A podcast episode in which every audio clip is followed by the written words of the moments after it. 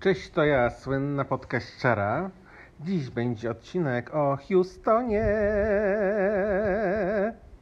O moich fantastycznych tygodniowych wakacjach.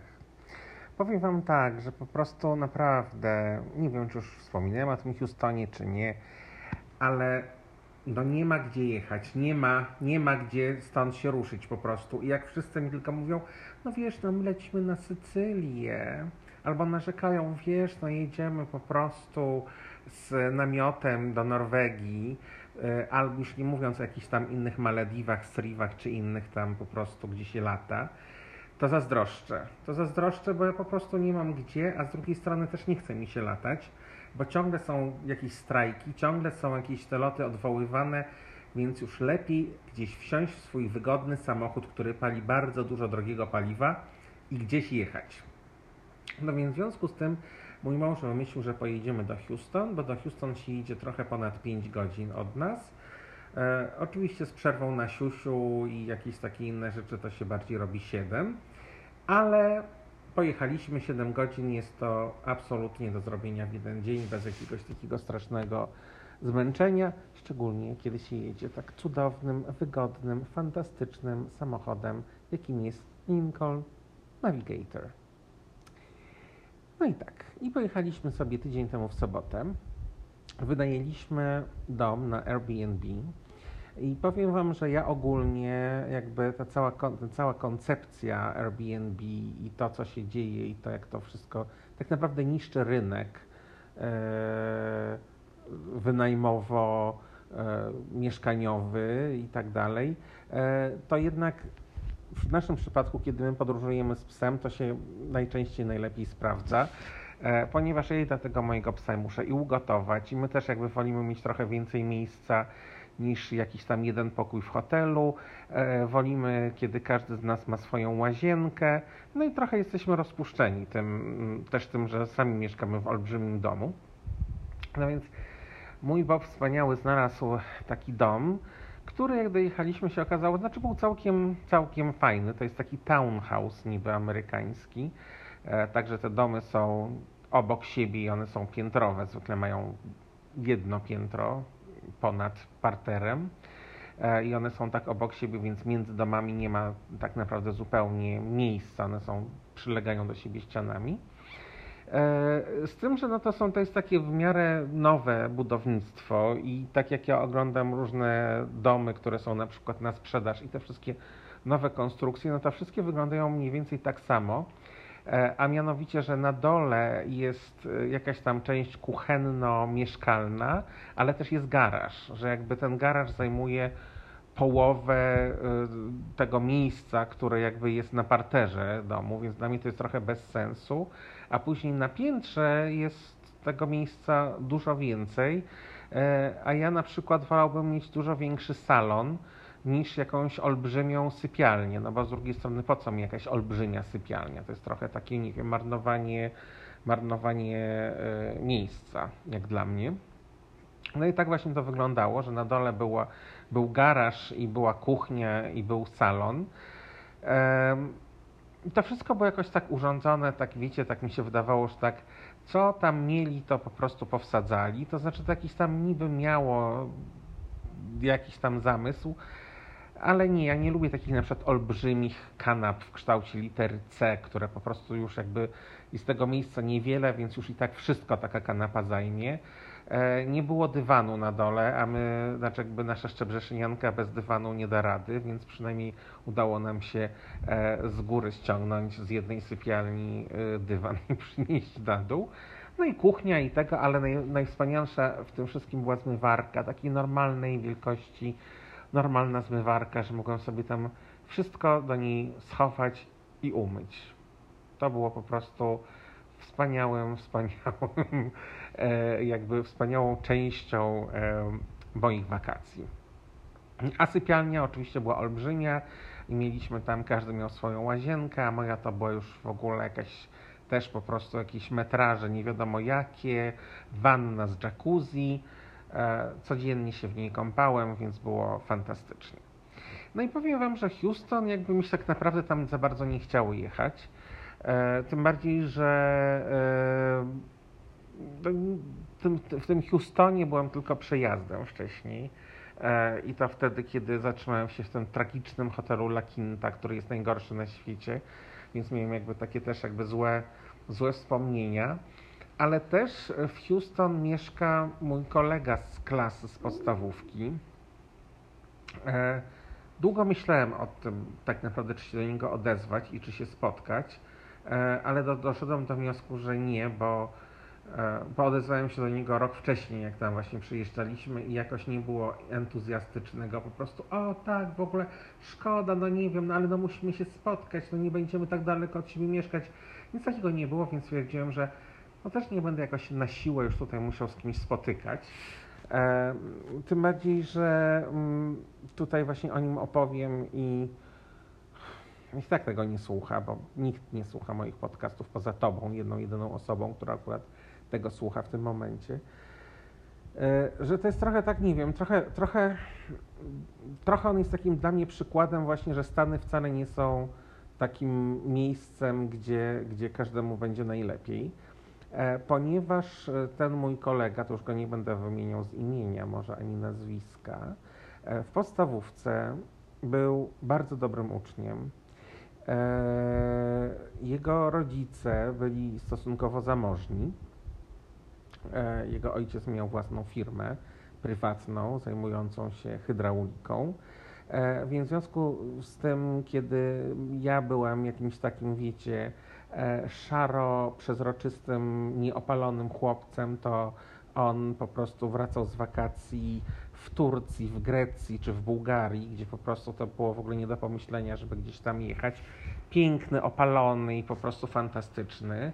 E, no i taka była też trochę między nami rywalizacja, to znaczy może tak trochę też pomiędzy naszymi rodzicami, bo nasi rodzice się zaprzyjaźnili, e, że kto będzie miał lepsze stopnie. No ale on naprawdę bardzo mądry, bardzo fajny chłopak, e, super sobie dawał, no ale to jest kwestia powiedzmy szkoły podstawowej.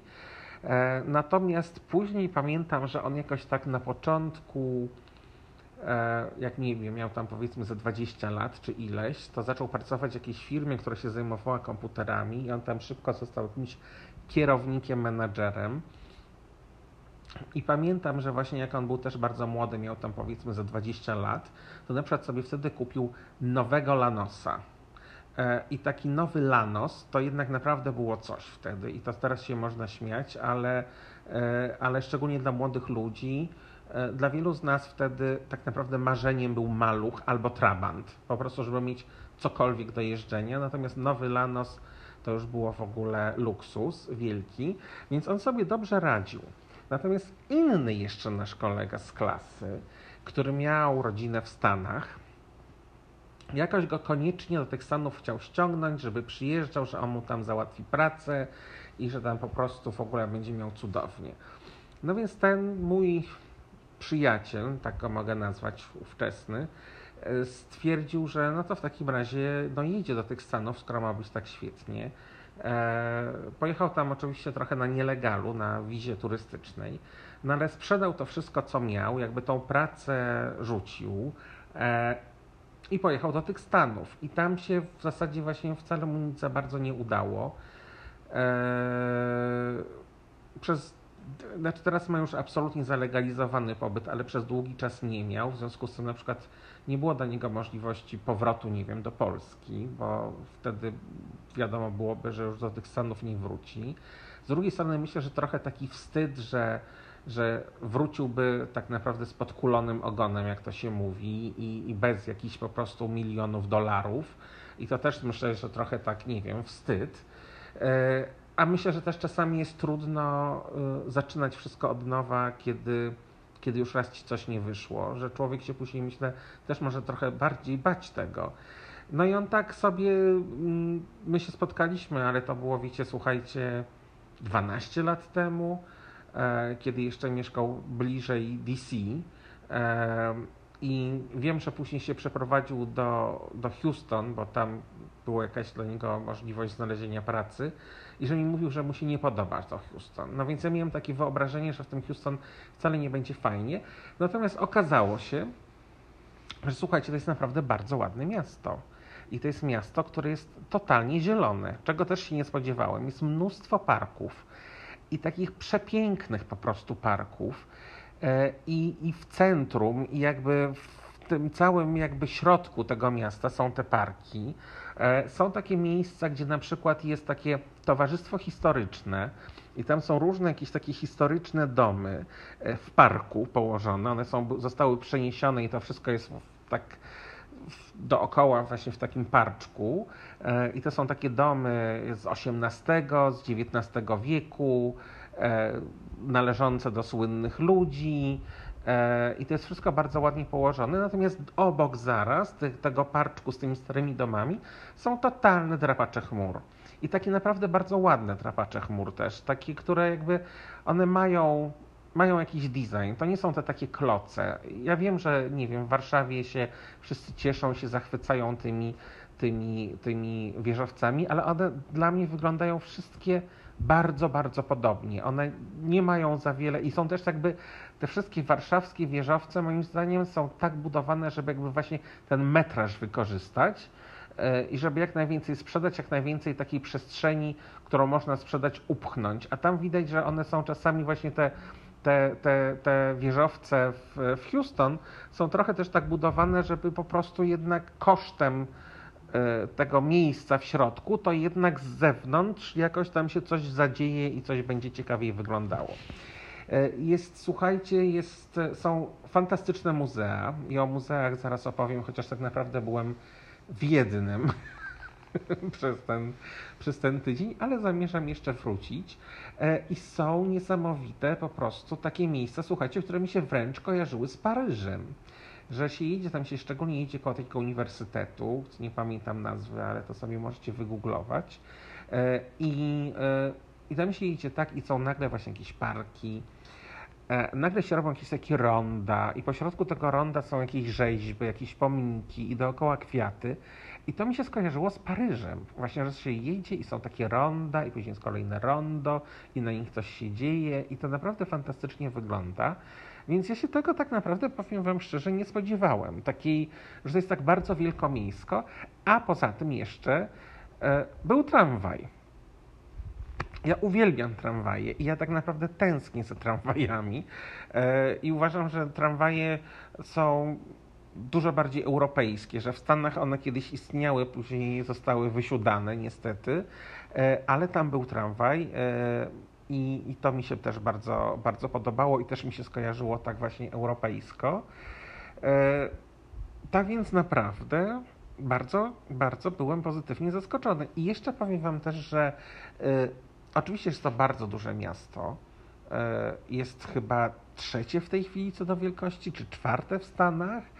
Natomiast nie czuję się takiego natłoku ludzi, że są oczywiście te autostrady, które lecą przez, e, przez miasto i te autostrady mają po 5, 6, 7, 8 pasów e, w jedną stronę, ale przez to jest jakoś tak więcej miejsc miejsca, że ludzie też nie jeżdżą jakoś nie wiadomo jak szybko e, i są w zasadzie ograniczenia prędkości tam do 60 mil na godzinę, czyli powiedzmy 100 km na godzinę. E, w San Antonio natomiast jest to 75 mil, czyli to jest załóżmy, nie wiem, 130.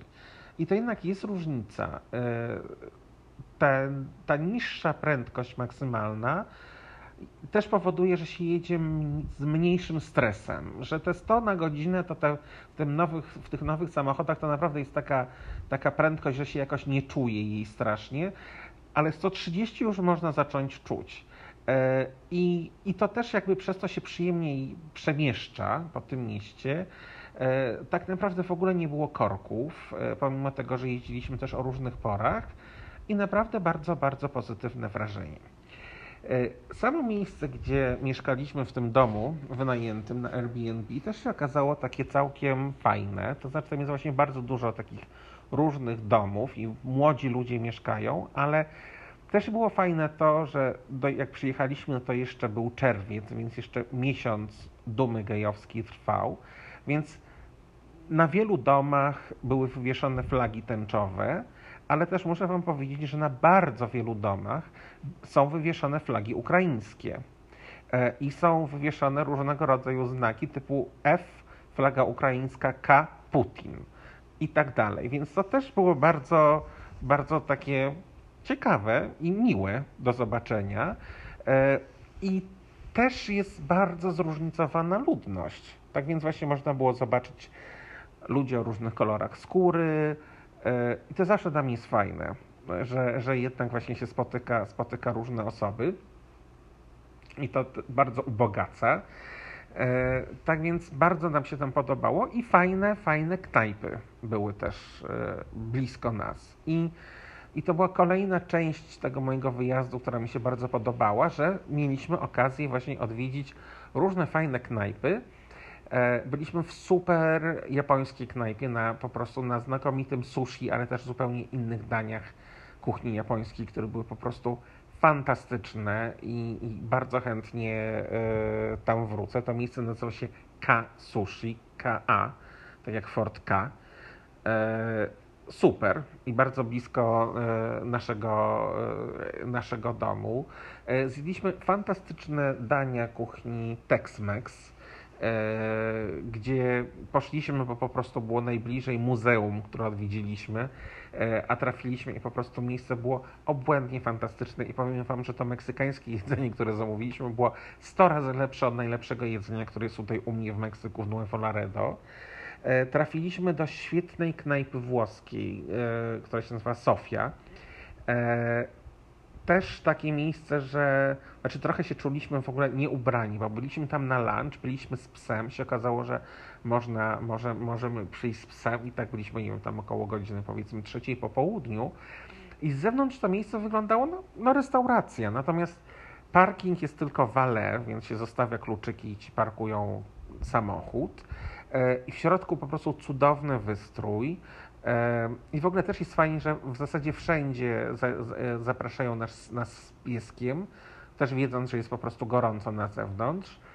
Tam było takie zadaszone patio, ale było po prostu fantastyczne. Natomiast muszę Wam powiedzieć, że knajpa włoska, nie taka po prostu włoska amerykańska, gdzie jest zawsze to samo, że jest tylko pasta i, i, i, i, pizza, tylko takie naprawdę dania jak we Włoszech, ale takie bardziej wyszukane. E, tak więc było trochę drogawo, ale e, przepysznie. Przepysznie i po prostu fantastyczne, fantastyczne, e, fantastyczne miejsce, gdzie też wrócimy, tylko następnym razem założymy coś ładniejszego niż t-shirt i shorty. Ale znaczy nikt się na nas nie patrzył, że jesteśmy po prostu jakoś nie tak ubrani, ale my po prostu się czuliśmy, że akurat w tym miejscu powinniśmy troszeczkę lepiej wyglądać. E, oprócz tego, słuchajcie, e, godzinę jazdy od Houston, powiedzmy od centrum Houston, jest takie miasteczko, które się nazywa Galveston. I ono jest położone nad Zatoką Meksykańską. E, jest tam piękna plaża.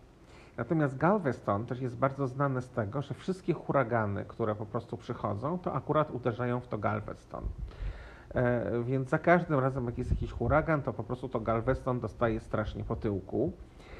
E, natomiast powiem Wam, co jest ciekawe, że tam jest bardzo dużo też przepięknych, przecudownych, starych budynków, takich z XIX wieku. E, I te budynki po prostu one no, przeżyły te wszystkie huragany, więc też były bardzo dobrze zbudowane. E, I też, znaczy ja się za bardzo nie wgłębiałem w historię, więc przepraszam, bo może dzięki przez to mój podcast byłby ciekawszy, E, ale z tego, co mój mąż, który jest bardzo mądry, mi mówił, to ogólnie w XIX wieku zakładano, czy tam pod koniec XVIII, że Galveston będzie takim dużym miastem w tej części Stanów Zjednoczonych, w tej części Teksasu. E, natomiast e, no, później się okazało z biegiem czasu, że to Galveston zostało w tyle, natomiast Houston się, Houston się totalnie rozbudowało i przejęło jakby rolę dużego miasta. E, I ja myślę, że jakby te, te huragany też mają coś w tym do rzeczy, ale w związku z tym poza plażą, gdzie po prostu właśnie też Szczebrzeszynianka była absolutnie w swoim żywiole i to jest naprawdę, wiecie, ona zaraz będzie miała 12 lat w sierpniu, natomiast kiedy ona widzi piasek i jest na plaży, to jest po prostu z powrotem szczeniakiem, który biega, kopie i po prostu szaleje i jest przeszczęśliwa. Natomiast właśnie w tym Galveston jest bardzo dużo pięknych budynków, właśnie starych, historycznych e, i takich bardzo bogatych, że widać, że to naprawdę ludzie, którzy mieli pieniądze, je budowali. E, I w tej chwili tam się mieszczą fajne restauracje, fajne sklepy i też poszliśmy tam na lunch i po prostu był obłędny lunch, taka kuchnia w stylu Cajun, Cajun, czyli taka Louisiana. Po prostu obłędne, Boże, jak ja bym chciał tam wrócić i zjeść jeszcze raz. Cudowne. I tam była taka kiełbaska, która się nazywa budę. E, I wiecie, ja lubię takie rzeczy typu kaszaneczka. Kaszaneczce też będzie za chwilę, ale budę to jest taka kiełbaska, która jest właśnie tam jest trochę mięska, trochę ryżu, trochę jakiś przypraw, ona jest taka bardziej pikantna i ona jest właśnie taka Louisiana, Nowy Orlean, te klimaty. E, Boże, jaka po prostu. I ona była serwowana e, z taką potrawką z raków i na ryżu. Obłędna, po prostu. Mówię wam, to dla samego tego, dla samej tej wizyty tam warto jechać, ale naprawdę fajne miejsce, więc tak sobie właśnie pomyślałem, że w tym Houston nie jest tak źle, bo, bo jest to duże miasto i jakby właśnie tam jest wszystko to, co duże miasto oferuje, ale te, też typu na przykład, nie wiem, opieka medyczna, E, dostęp właśnie do różnych ośrodków kulturalnych, że to jest jakby wszystko fajne, ale godzina jazdy, co tak naprawdę no to nie jest jakaś straszna odległość i jest się na plaży, więc to jest, to jest fajne. E, słuchajcie, teraz w końcu, bo już widzę, że ponad 20 minut gadam, opowiem szybciutko o muzeum. To muzeum, do którego trafiliśmy, to było muzeum, do którego ja poszedłem troszeczkę tak dla żartu. E, jest to Muzeum Historii e, Funeralnej, czyli pogrzebowej, czyli Muzeum Pogrzebów. E, I, i, i, i znaczy mi się strasznie spodobało, że w ogóle jest takie muzeum, więc powiedziałem, słuchajcie, chodźmy, chodźmy, zobaczymy, co tam będzie. No i zadzwoniłem, czy możemy z psem. Tak, możemy z psem, no więc już byłem ogólnie sprzedany. Pojechaliśmy. Słuchajcie, jest cudownie, bo tak, w ogóle jak się wchodzi do budynku, a budynek z zewnątrz wygląda jak taki, wiecie, taki jednopiętrowy budynek z cegły, który nie ma okien, który wygląda bardziej jak taki magazyn. Więc tak naprawdę tam się w ogóle jakby nie spodziewałem nie wiadomo czego. I to on wygląda na dosyć mały z zewnątrz, natomiast w środku jest mnóstwo miejsca. E, jak się wchodzi, jak się otwiera drzwi, słuchajcie, jest taki zapach, jest taki zapach takich, takiego kadzidła, takich zgniłych kwiatów, takiego trupa lekkiego, no po prostu pachnie totalnie pogrzebem, że w ogóle się wchodzi i od razu w ogóle organoleptycznie się przenosi człowiek e, właśnie na pogrzeb. E, przy wejściu jest sklepik z różnymi całkiem fajnymi nawet, słuchajcie, gadżetami. No a później w tym muzeum jest mnóstwo rzeczy do zobaczenia. Oczywiście są na przykład słynne e, pogrzeby amerykańskich prezydentów i one tam są opisane i są zdjęcia, są różnego rodzaju pamiątki wystawione. Są fantastyczne, słuchajcie, karawany. Jest mnóstwo, mnóstwo właśnie samochodów e, pogrzebowych. Więc dla mnie to też była po prostu wielka atrakcja, które się mniej więcej zaczynają właśnie od początku XX wieku, a nawet są karoce takie pogrzebowe z końca XIX wieku. Przepiękne właśnie, te stare, przedwojenne są w ogóle drewniane, rzeźbione samochody, no po prostu o, niesamowite. Jest srebrny Mercedes, którym Grace Kelly pojechała w swoją ostatnią podróż, e, więc to też było fajnie zobaczyć i to jest taki, wiecie, Mercedes beczka pogrzebowy, więc też mi się bardzo podoba, bo po prostu totalna klasa, że nie jakiś po prostu nie wiadomo co, tylko srebrno-czarny, prosty, ale Mercedes, e, samochód właśnie, którym księżniczka Monaco e, została zawieziona do swojego grobu. E, jest świetna kolekcja różnych trumien w najdziwniejszych kształtach, które wyglądają jak krab, jak jakiś, nie wiem, tygrys. I słuchajcie, była trumna w kształcie samolotu ze skrzydłami I ten samolot był pomalowany tak jak samoloty KLM-u, czyli w takie niebieskie paski, no i miał napisane KLM, więc sobie pomyślałem, hmm, ciekawe, ciekawe co ludzie z KLM-u by sobie pomyśleli, gdyby zobaczyli, gdyby zobaczyli ten, e, te, tą trumnę. No i słuchajcie, no i idę sobie dalej, tam też jest oczywiście ogromna część poświęcona e, też papieżom i ich pogrzebom. To mnie tam za dużo nie, nie, nie, nie ciekawiło, tam oczywiście JP2 też się znajduje, no ale Szebi, moja oczywiście każda alejka, każde tego, wszędzie trzeba iść, wszystko trzeba zobaczyć.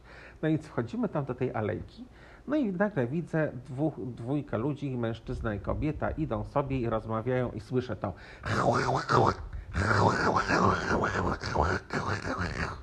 no więc myślę sobie, no jak nic z Holandii, no skąd inąd mogą być.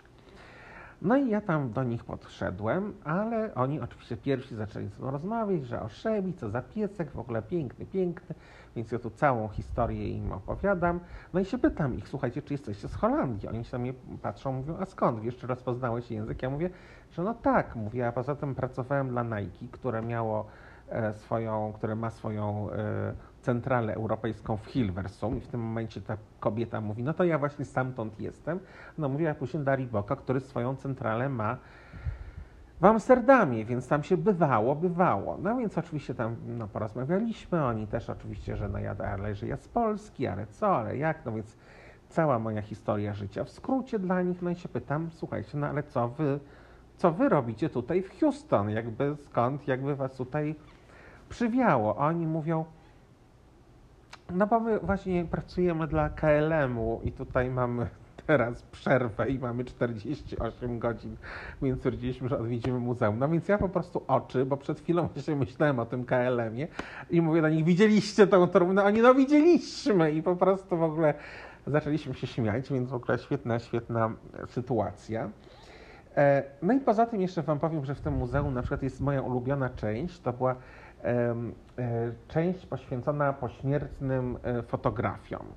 E, bo to było właśnie bardzo popularne, że kiedy ktoś umarł, to się wtedy robiło mu zdjęcie, albo robiło sobie się zdjęcie z tą zmarłą osobą. Tam się wszyscy ustawiali. No ale na tym zdjęciu to ogóle też jakby polegało na tym, żeby ta osoba wyglądała jakby nadal była żywa więc y, ogólnie to tam też cała historia i wszystkie różnego rodzaju sztuczki i urządzenia i specjalne stelaże do utrzymywania tego ciała, żeby jakby jak to wyglądało, żeby one na tym zdjęciu jakoś tam wyglądali ok. Oczywiście mnóstwo takich zdjęć do zobaczenia, więc to naprawdę bardzo, bardzo interesujące. E, więc to mi się bardzo podobało. I była bardzo ciekawa część o tym, o kremacji ciała i o tym, jak to przebiega i też jakby pokazany cały proces. E, bardzo ciekawa część o balsamowaniu ciała, fantastyczna część na przykład o tym, jak wyglądały pogrzeby w XIX wieku i tam w ogóle wszystko od strojów, po dekoracje, po jakieś inne rzeczy, wszystko po prostu super. Słuchajcie, super muzeum. Bardzo polecam. Naprawdę ludzie, wszyscy się śmieli w ogóle, jak ja zamieściłem zdjęcie, że tam w ogóle poszedłem. Natomiast ja byłem zachwycony tym muzeum. Więc, e, e, więc tak. Więc powiem Wam, że ogólnie to naprawdę całkiem, całkiem fajnie w tym Houston. No oprócz tego, w związku z tym, że jest to duże miasto, to jest polski sklep. I była polska restauracja, ale jest tymczasowo zamknięta i one były jakby, są obok siebie w tym samym budynku. I pojechałem do tego polskiego sklepu i słuchajcie, no po prostu cudownie, tak cudownie zaopatrzony sklep. Wszystko było, co sobie człowiek może wymarzyć. Nakupiłem ogórków, kiszonych i innych kasz i dżemu z czarnej porzeczki i sok i chałwę i czekoladę i kaszaneczkę. I słuchajcie, wam, że no kupiłem sobie taki kawałek mały tej kaszanki, no bo widziałem, że no tylko ja to będę jadł.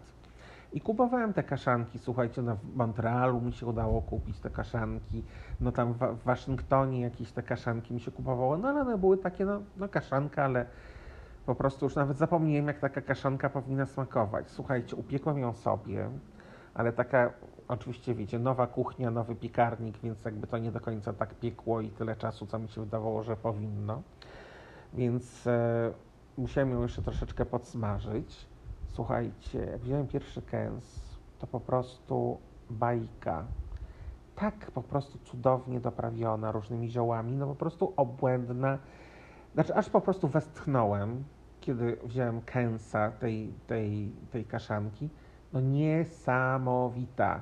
I powiem Wam na dodatek, że jest tam stosunkowo tanio, a szczególnie w porównaniu właśnie z sklepem, który nazywa Kiełbasa Factory w Marylandzie, gdzie po prostu uważam, że ceny są z dupy totalnie, to tam naprawdę bardzo sensowne ceny, świetny wybór, właśnie świetny wybór wędlin, też kiełbas, wszystko świeże, to widać, makowce były, no już nie mogłem wszystkiego kupić, a poza wiecie, to też jest tak, jak człowiek nie kupi, to nie zje, a jak kupię, to zjem i będę jeszcze grubszy, więc to też czasami po prostu um, no, staram się nie kupić wszystkiego, co bym chciał, no bo wiem, że po prostu jak to kupię, to to zaraz wpierdolę, nawet nie zjem, tylko wpierdolę w sekundę, więc lepiej nie kupować ale byłem, było cudownie. Mam nadzieję, że restauracja Polonia zostanie też otwarta.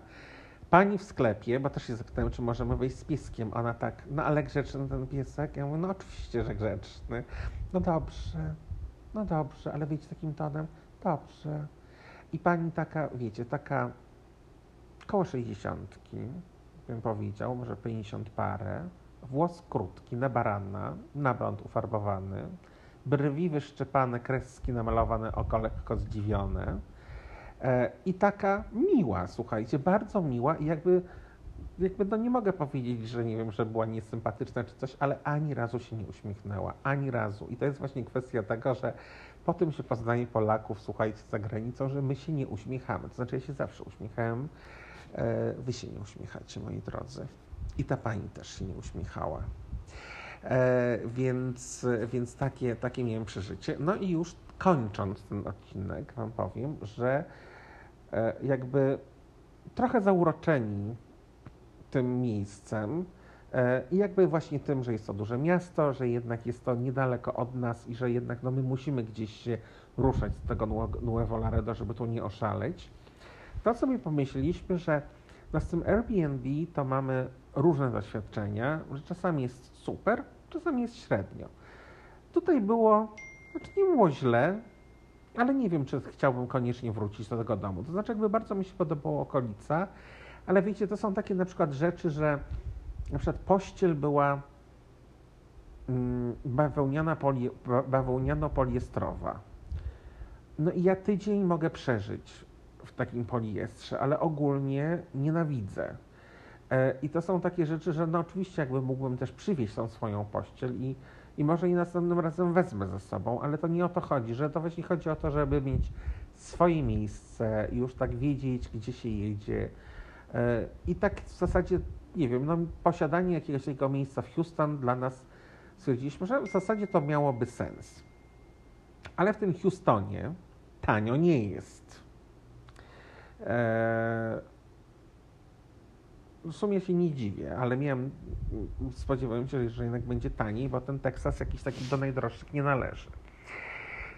No ale właśnie stwierdziliśmy, że tak dobrze, to poszukajmy, jakby zobaczmy, jak wygląda rynek. No i znalazłem takie mm, kondo, takie mieszkanko, która miała tam około 100 metrów kwadratowych, dwie sypialnie, dwie łazienki, dwupoziomowe, z takim malusieńkim ogródeczkiem, ale takim, że no można tam wystawić stoliczek i jakby Szebi chciała wyjść, poleżeć na słońcu, to proszę bardzo. I całe po remoncie, e, nowa kuchnia, ta łazienka nowa, to wszystko zrobione. Wiecie, no tak bardzo neutralnie, w neutralnym stylu, ale ładnie. E, więc e, stwierdziliśmy, że hmm, ciekawe. No i też jakoś tak strasznie niedaleko, tak powiedzmy około 15 minut jazdy od tego miejsca, gdzie, gdzie my mieszkaliśmy. E, no więc też nie, że na jakimś po prostu totalnym zadupiu. No więc stwierdziliśmy, że no ciekawe, e, że chętnie byśmy zobaczyli. No ale stwierdziliśmy, że zanim zaczniemy zawracać głowę jakimś tam agentom, żeby nam to pokazywali, to że my sobie pojedziemy zaraz sami i zobaczymy, jak to wygląda tam. Siedliśmy w samochód i jedziemy, jedziemy, jedziemy. Zjechaliśmy z autostrady, tam już jak wyjazd, zjazd, się jedzie takim pięknym, taką aleją, bulwarem, bo jakby jezdnie są rozdzielone pasem zieleni, rosną drzewa, no domy nie są jakieś takie luksusowe, no ale takie ok, wszystko średnie. Ogólnie jedzie się, jest wszystko fajnie. Po czym nagle skręcamy w kolejną ulicę, kolejny bulwar. I kolejny bulwar zaczyna się tak, że po prostu na tym, na tej części zielonej pomiędzy jezdniami nagle zaczynają leżeć śmieci, a po prostu za rogiem śmieci nie było.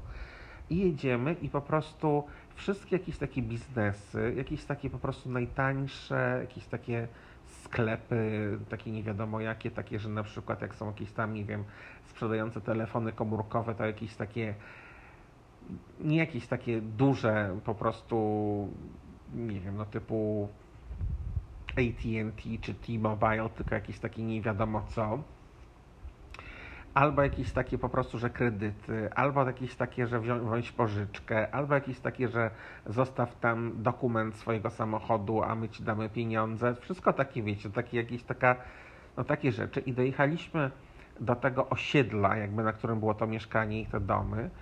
I po prostu dramat, dramat.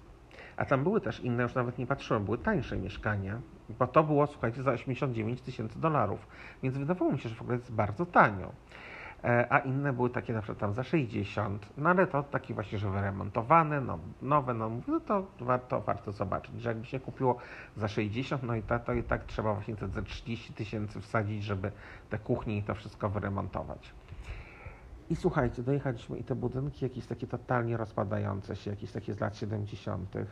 Niektóre takie mieszkania, że po prostu w ogóle okna zabite płytami pliśniowymi jak tam jakieś takie, nie wiem, balkony były, to na tym balkonie jakiś syf, po prostu malaria, jakieś, jakieś torby, jakieś po prostu nie wiadomo co. Dramat, koszmar. Mówię do baba, uciekajmy stąd szybko, zanim nas zamordują. Bo powiem wam, że gdybyśmy po prostu, znaczy jakbym, ja, ja nie chcę brzmieć tutaj okropnie i tak dalej, ale to miejsce wyglądało tak, że ja bym po prostu nie ufał żadnemu sąsiadowi, że to nie mogłoby być takie mieszkanie, w którym nie mieszkamy, bo gdybyśmy tam po prostu je zostawili, to by się za chwilę ktoś włamał i po prostu wszystko wyniósł e, i później nas zamordował. Albo wcześniej zamordował, a później wyniósł.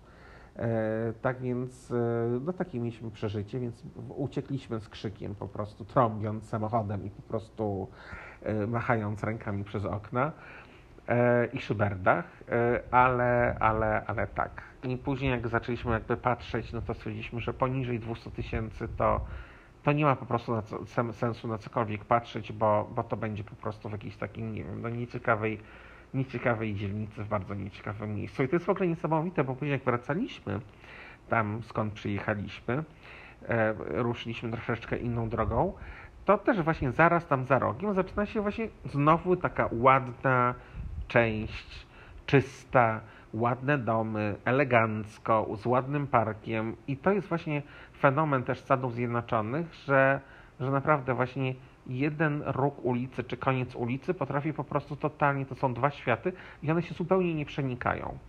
Więc to też było, było, było ciekawe.